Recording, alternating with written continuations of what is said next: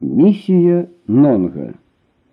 Пасля таго, як быў злоўлены гоно, сход зразумела не мог адбыцца. Лятучая нарада актыву на працягу некалькіх мінут павінна была абмеркаваць бліжэйшыя неадкладныя задачы і зараз жа разысціся. Галоўная небяспека пагражала гейсу і салулу, бо на іх цяпер напэўна арганізуюць аблаву. Таму яны накіраваліся да скал ластаўчыных гнёздаў, каб прыняць удзел у найважнейшай справе і разам з тым уцячы далей. Не будзем апісваць, як яны хаваліся, уцякалі на працягу некалькіх дзён. Усё гэта лёгка сабе уявіць. Нарэшце мы бачылі, яны дабраліся да ластаўчыных скал. Панду не мог ужо вярнуцца дадому, бо ён быў высачаны, але яго прысутнасць у суракарце была неабходна. Ён быў галоўным вузлом рэвалюцыйнага руху ў раёне. Ён аб'яднаў чалавек 20 настаўнікаў, якія з'яўляліся галоўнымі дзеячамі ў гэтай цёмнай краіне, дзе свядомых і загартаваных рабочых зусім не было. Сярод яго таварышаў, да таго ж параскіданых у розных кутках, быў самы разнастайны.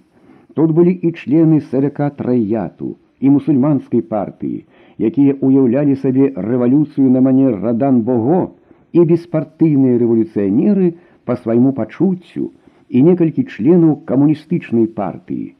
Усіх іх аб'яднала нянавість да чужаземных уладароў. Трэба было падтрымліваць гэтыя іскры, каб у рашучы момант з дапамогай іх запаліць агульны пажар. Гэтаму часу сурабаі прыбыла значная партыя пракламацыі. Праз некалькі дзён горад і вёскі былі засыпаны гэтымі пракламацыямі. Цікава адзначыць, што ў данным выпадку значную карысць прынесла непісьменнасць насельніцтва. Дзякуючы ёй, пракламацыі чыталіся калектыўна, вакол чытача збіраліся непісьменныя, слухалі, разважалі, і агульнае абурэнне было больш эфектыўным, чымся ў кожнага паасобку. Старэйшы брат энергічна ўзяўся за работу, загадаў і малодшаму брату пусціць у рух увесь свой апарат нават рэвалюцыйны радан Бого далучыўся да гэтай працы. Яму непрыемна было, што просты народ, невядома пад чыім кіраўніцтвам сам пачаў варушыцца. Паважаны радан Бого уяўляў сабе справу зусім інакш, так як яна апісваецца ў гісторыі. Вось які-небудзь князь ці выдатны саноўнік падымае народ, скідае ненавісную ўладу і сам становіцца на чале яе. А тут справа пачынаецца зусім не па-людску. Гэтак яны могуць заместа карысці нарабіць шкоды. І радан Бого не за страха за сумленне пачаў дапамагаць ураду. Праз некалькі часу цесная турма ў сола была запоўнена арыштаванымі, але больш цяжкім ударам быў арышт дзевяці актыўнейшых настаўнікаў, у тым ліку і панду. І нарэшце каля гэтага самага часу у сурабаі, дзякуючы правакацыі, быў арыштаваны камітэт камуністычнай партыі. Такім чынам напярэдадні рашучых падзей рух у цэнтральнай яве быў пазбаўлены кіраўніцтва. Гэтыя весткі і прынёс пасланец салулу і гейсу. Калі пасля таго неўдалага сходу ў храме наспех абмяркоўвалі каму што рабіць, Нонг вельмі хацеў далучыцца да гейса і салула, але выявілася, што для яго ёсць больш адпаведнае заданне, патрэбен быў чалавек, які перавёз бы і распаўсюдзіў пракламацыі ад сола да батавіі. Больш адказныя таварышы, звязаныя арганізацыйнымі справамі, не маглі займацца гэтым, а рэшта ў сваім жыцці ніколі нікуды не выязджалі. Анонг і ездзіў і ўжо выявіў сваю здольнасць. Такім чынам нонг неспадзявана для сябе самога зрабіўся бывалым, спрытным і адказным чалавекам достали просты плецены кошык, положили на дно літаратуру, потым гародніны, навучылі нонга што і як рабіць. Дзеля таго, што нонг быў непісьменным, а яшчэ больш для канспірацыі, адрасоў і лістоў яму не давалі. Нонг павінен быў вывучыць на памяць тыя адрасы, па якіх ён павінен быў звяртацца па дарозе. Толькі ў батавію Саул пасылаў праз нонга шыфраваны ліст да таго самага таварыша, да якога ён заходзіў туды, калі быў тугаем. Але і на гэтым лісце адрасу не было напісана. калі будзеш ісці да гэтага таварыша, навучаў саву, дык асаблівасці ражыся, каб ніхто за табой не сачыў, лепш тады зусім не з'яўляйся да яго, а пасланне парві. Праз некаторы час просты тубылец нонг ехаў сабе ў поездзе з кошыкам гародніны.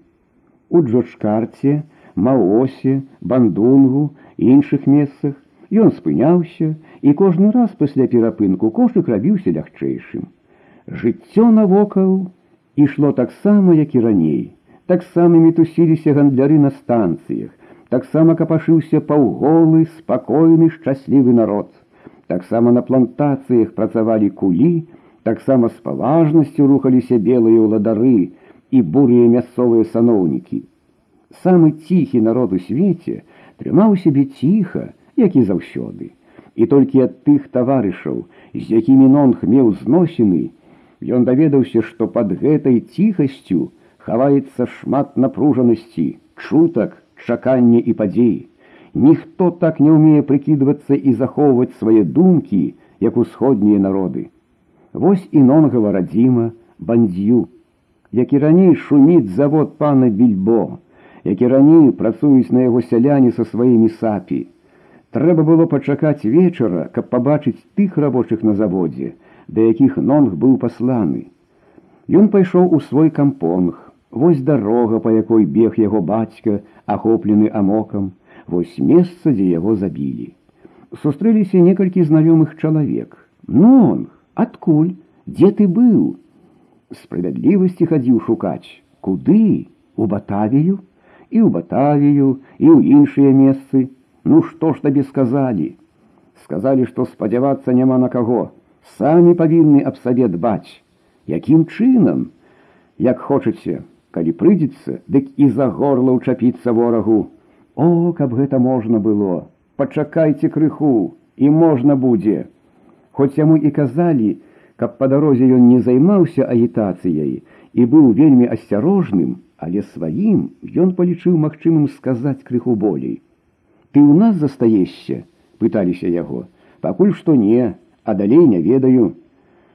Пайшоў да сваёй халупы, але ледзь знайшоў яе. Шалёная расліннасць стварыла ўжо такі гушчар, што ў ім зусім згубіліся рэшткі будынку. Нонг прысеў на адзін слупкоў, які калісьці служыў падставай для яго хаты. І двух месяцаў не мінула, як ён пакінуў свой родны кут, але ж якія змены адбыліся ў жыцці нонга. Усё яго ранейшае жыццё адсунулася, нібы на десятак гадоў, і ад яго засталіся толькі вось гэтыя некалькі слупкоў. За гэты час нонг апынуўся зусім у новым свеце, і родны кампонг, які нядаўна яшчэ здаваўся галоўным месцам на зямлі, цяпер ужо быў такім нікчэмным, забытым, чужым. У кампонгу пачулі, што вярнуўся нонг і пацікавіліся даведацца, дзе ён быў, што бачыў, што чуў. Для яго сабраўся гурток людзей. І Нонг пачаў расказваць, што быў і ў батавіі, і ў суракарце, і ў бантаме, шмат чаго бачыў. Самае ж галоўнае людзей, якія не хочуць цярпець у ціску, ідуць змагацца за лепшую долю для ўсяго народа. Шмат такіх людзей ёсць. Нават адзін белы пайшоў на наш бок, і зброя ёсць. Хутка прыйдзе час, калі прагоняць белых уладароў нават на нашага рэгента можна будзе тады ўправу знайсці і більбо прагонім і ўсю зямлю вернем сабе трэба толькі каб усе разам падняліся калі прыйдзе рашучы момант людзі слухали гэтыя словы з жахам. Як гэта адважыцца пайсці супраць улады супраць більбо? Яму ж прыйдуць на дапамогу войскі жандары. Але ўпэўнены тон нонга Яго грунтоўныя довады рабілі свой уплыў. І паступова людзям пачало здавацца, што справа не такая ўжо безнадзейная, што сапраўды магчыма гэта зрабіць. Увечары нонг выканаў сваё даручэнне і выехаў у батавію. Цяжка было яму знайсці тое месца і дом, куды ён павінен быў звярнуцца. Яму ўсё здавалася, што ўсе людзі асаблівую ўвагу зварачаюць на яго кошык. А калі прыходзілася ісці міма паліцыянта, то ён аж не дыхаў, каб ён трапіў на вочы добраму выведніку, дык той адразу пазнаў бы яго. Але нонг усё яшчэ меў выгляд прасцецкага сялянскага хлапца, упершыню трапіўшага ў горад. І гэта дапамагала яму больш, як усе яго хітрыкі. Нарэшце ён дабраўся да месца, падышоў да хаты з аднаго з другога боку, нікога не відаць, стукнуў у дзверы, ніхто не адказвае. З суседняй хаты выйшла жанчына. Ці тут жыве сукравата, нясмела запытаўся нонг. Тая зірнула на яго неяк падазрона, і нонгу зноў здалося, быццам яна аглядае яго кошык. Няма яго, коротко адказала жанчына, але жыве ён тут? Не, неяк крыва усміхнулася яна. Цяпер ён жыве зусім у іншым месцы. Можа, часам ведаеце, дзе? Жанчына прыпынілася, агледзела яго зноў да галавы. У турне кінула яна і пайшла далей. Гэты адказ нібы абухам стукнуў яго па галаве. Болей ён нікога не ведаў ва ўсім горадзе. Куды цяпер звярнуцца, куды дзець тое, што было ў кошыку, ды і наогул што рабіць далей. Такога становішча, мусіць, не прадбачылі і ей з саулам. Хоць яны і давяралі нонгу, але не хацелі яму, як навічку даваць больш адрасоў і імёнаў. Гэта было прызыкоўна. Нонг завярнуўся і ціхенька пайшоў назад. Куды дзець кошык? ламаў ён галаву. Ці не выкінуць яго зусім, Але шкада дарэмнай турботы, трэба ж гэтыя паперкі распаўсюдзіць.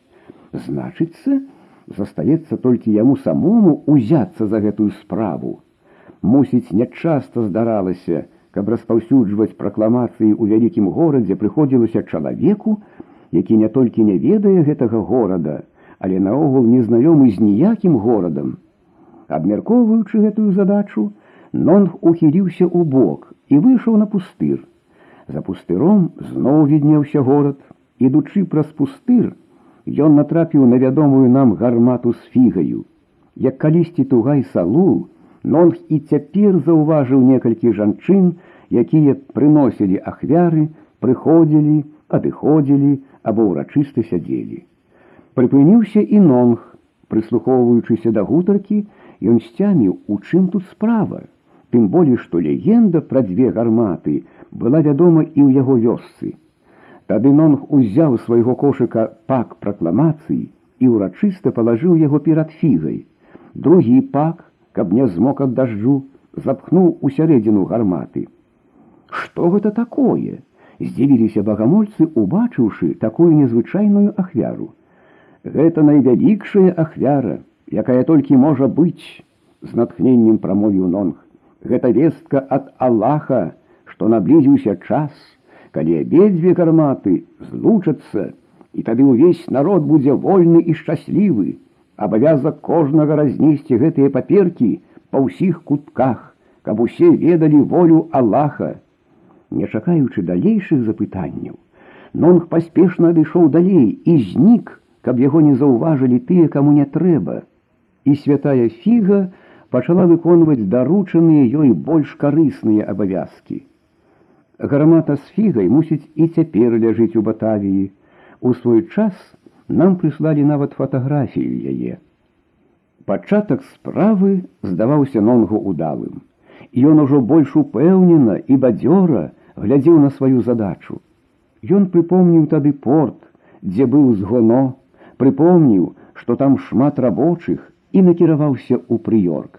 Але ў дзень у часе працы, совацца са сваімі пракламацыямі было рызыкоўна. Трэба было чакаць цямна каб параскідаць іх у такіх месцах дзе яны былі б знойдзены.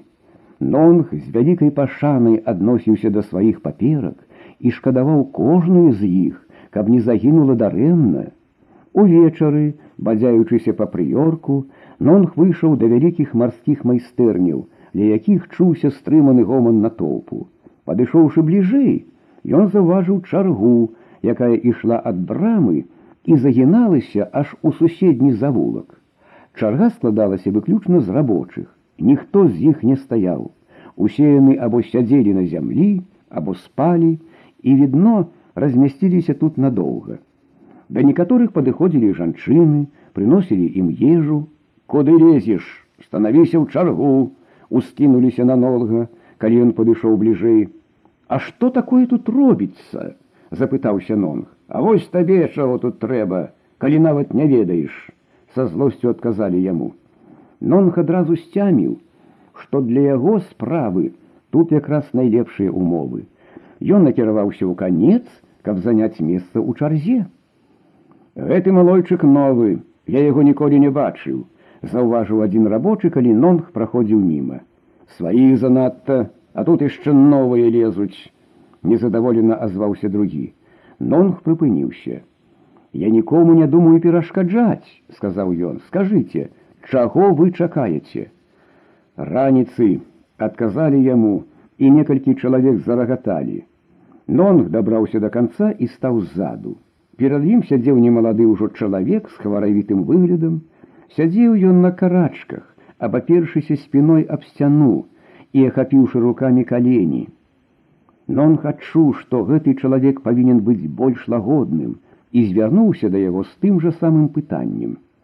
А ты не ведаеш, здзівіўся той. Я не тутэйшы, першы раз тут. Мы працуем на гэтым заводзе і чакаем раніцы, каб стаць на работу. Навошта ж так? здзівіўся ў сваю чаргу нонг. Ды нас кожны дзень звальняюць, а назаўтра наймаюць як новых. А як жадаючых працы больш, чым трэба, то вось і прыходзіцца станавіцца ў чаргу.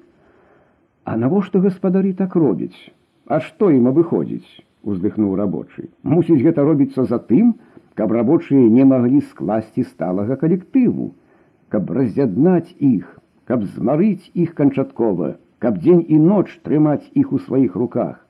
Пачакайце ж, праклятыя, прыйдзе і на вашу галаву кара, скончыў ён бліснуўшы вачыма. Нонх убачыў, што такога чалавека сцерагчыся няма чаго і адразу адкрыў яму сваю справу. Вось тут у мяне пракламацыі трэба іх распаўсюдзіць, а я нікога тут не ведаю, памажыце мне. Рабочы паглядзеў на яго так, нібы сам жандар з'явіўся перад ім. Ну, браток, з такімі прапановамі пад'язджай да каго-небудзь іншага. Далі Бог праўду кажу, сказаў нонг, вось зірні, яны тут, але рабочы глядзець не хацеў.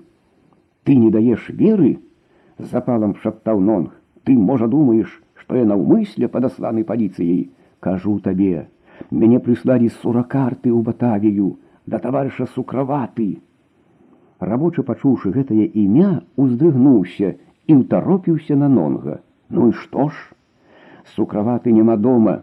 Суседка сказала што ён арыштаваны а болей я нікога тут не ведаю. А хто цябе паслаў салул і ейс. Ты мусіць іх не ведаеш яны захапілі зброю але рабочы ўсё ведаў нават больш як сам нонг. Калі ён выслухаў нонга, то пераканаўся, што той гаворыць праўду. Ён паклаў сваю руку нонгу на плячо і сказаў: « Добра, што ты натрапіў на мяне, а то мог бы і сам папасціся і ўсім бяды нарабіць, сцеражыся выказваць імёны, бо калі даведаюцца, што ты ведаеш такія імёны, то гарачым жалезам выпытаюць іх ад цябе. У нас тут вельмі трывожна, некалькі сот таварышаў арыштаваныя у тым ліку усе старэйшыя главары як суракавата. Асабліва пашкодзіў выбух у палацы генерал-губернатара.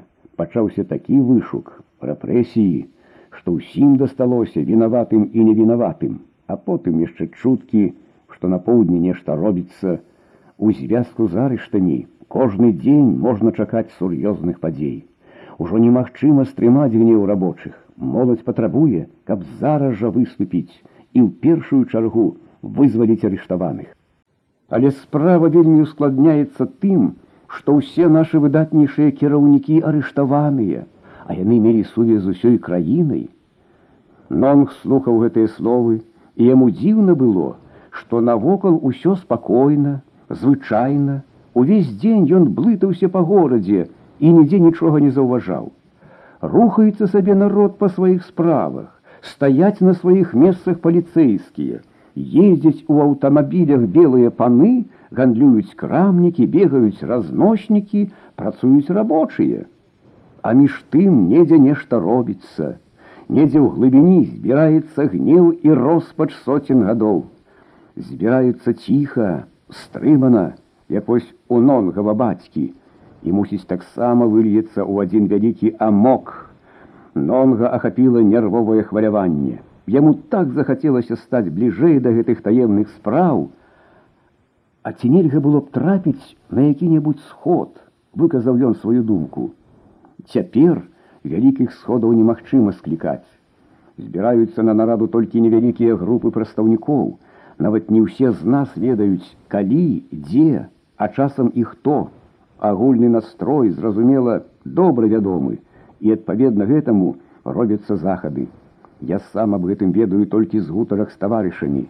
Я знаходжуся ў такім становішчы, што прымаць удзел у гэтай справе не магу. Я толькі магу спачуваць і чакаць, пакуль патрабуюць ад мяне апошнія дні майго жыцця. І ён цяжка закашляўся, потым устаў, прайшоў уздоўж шэрагу і вярнуўся з чатырма таварышамі. Яны разабралі ўвесь нонгаў кошык і зніклі ў цемры.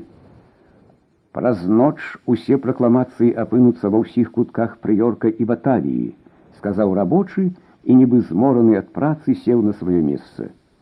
Колькі ты заробіш за заўтрашні дзень, запытаўся нонг.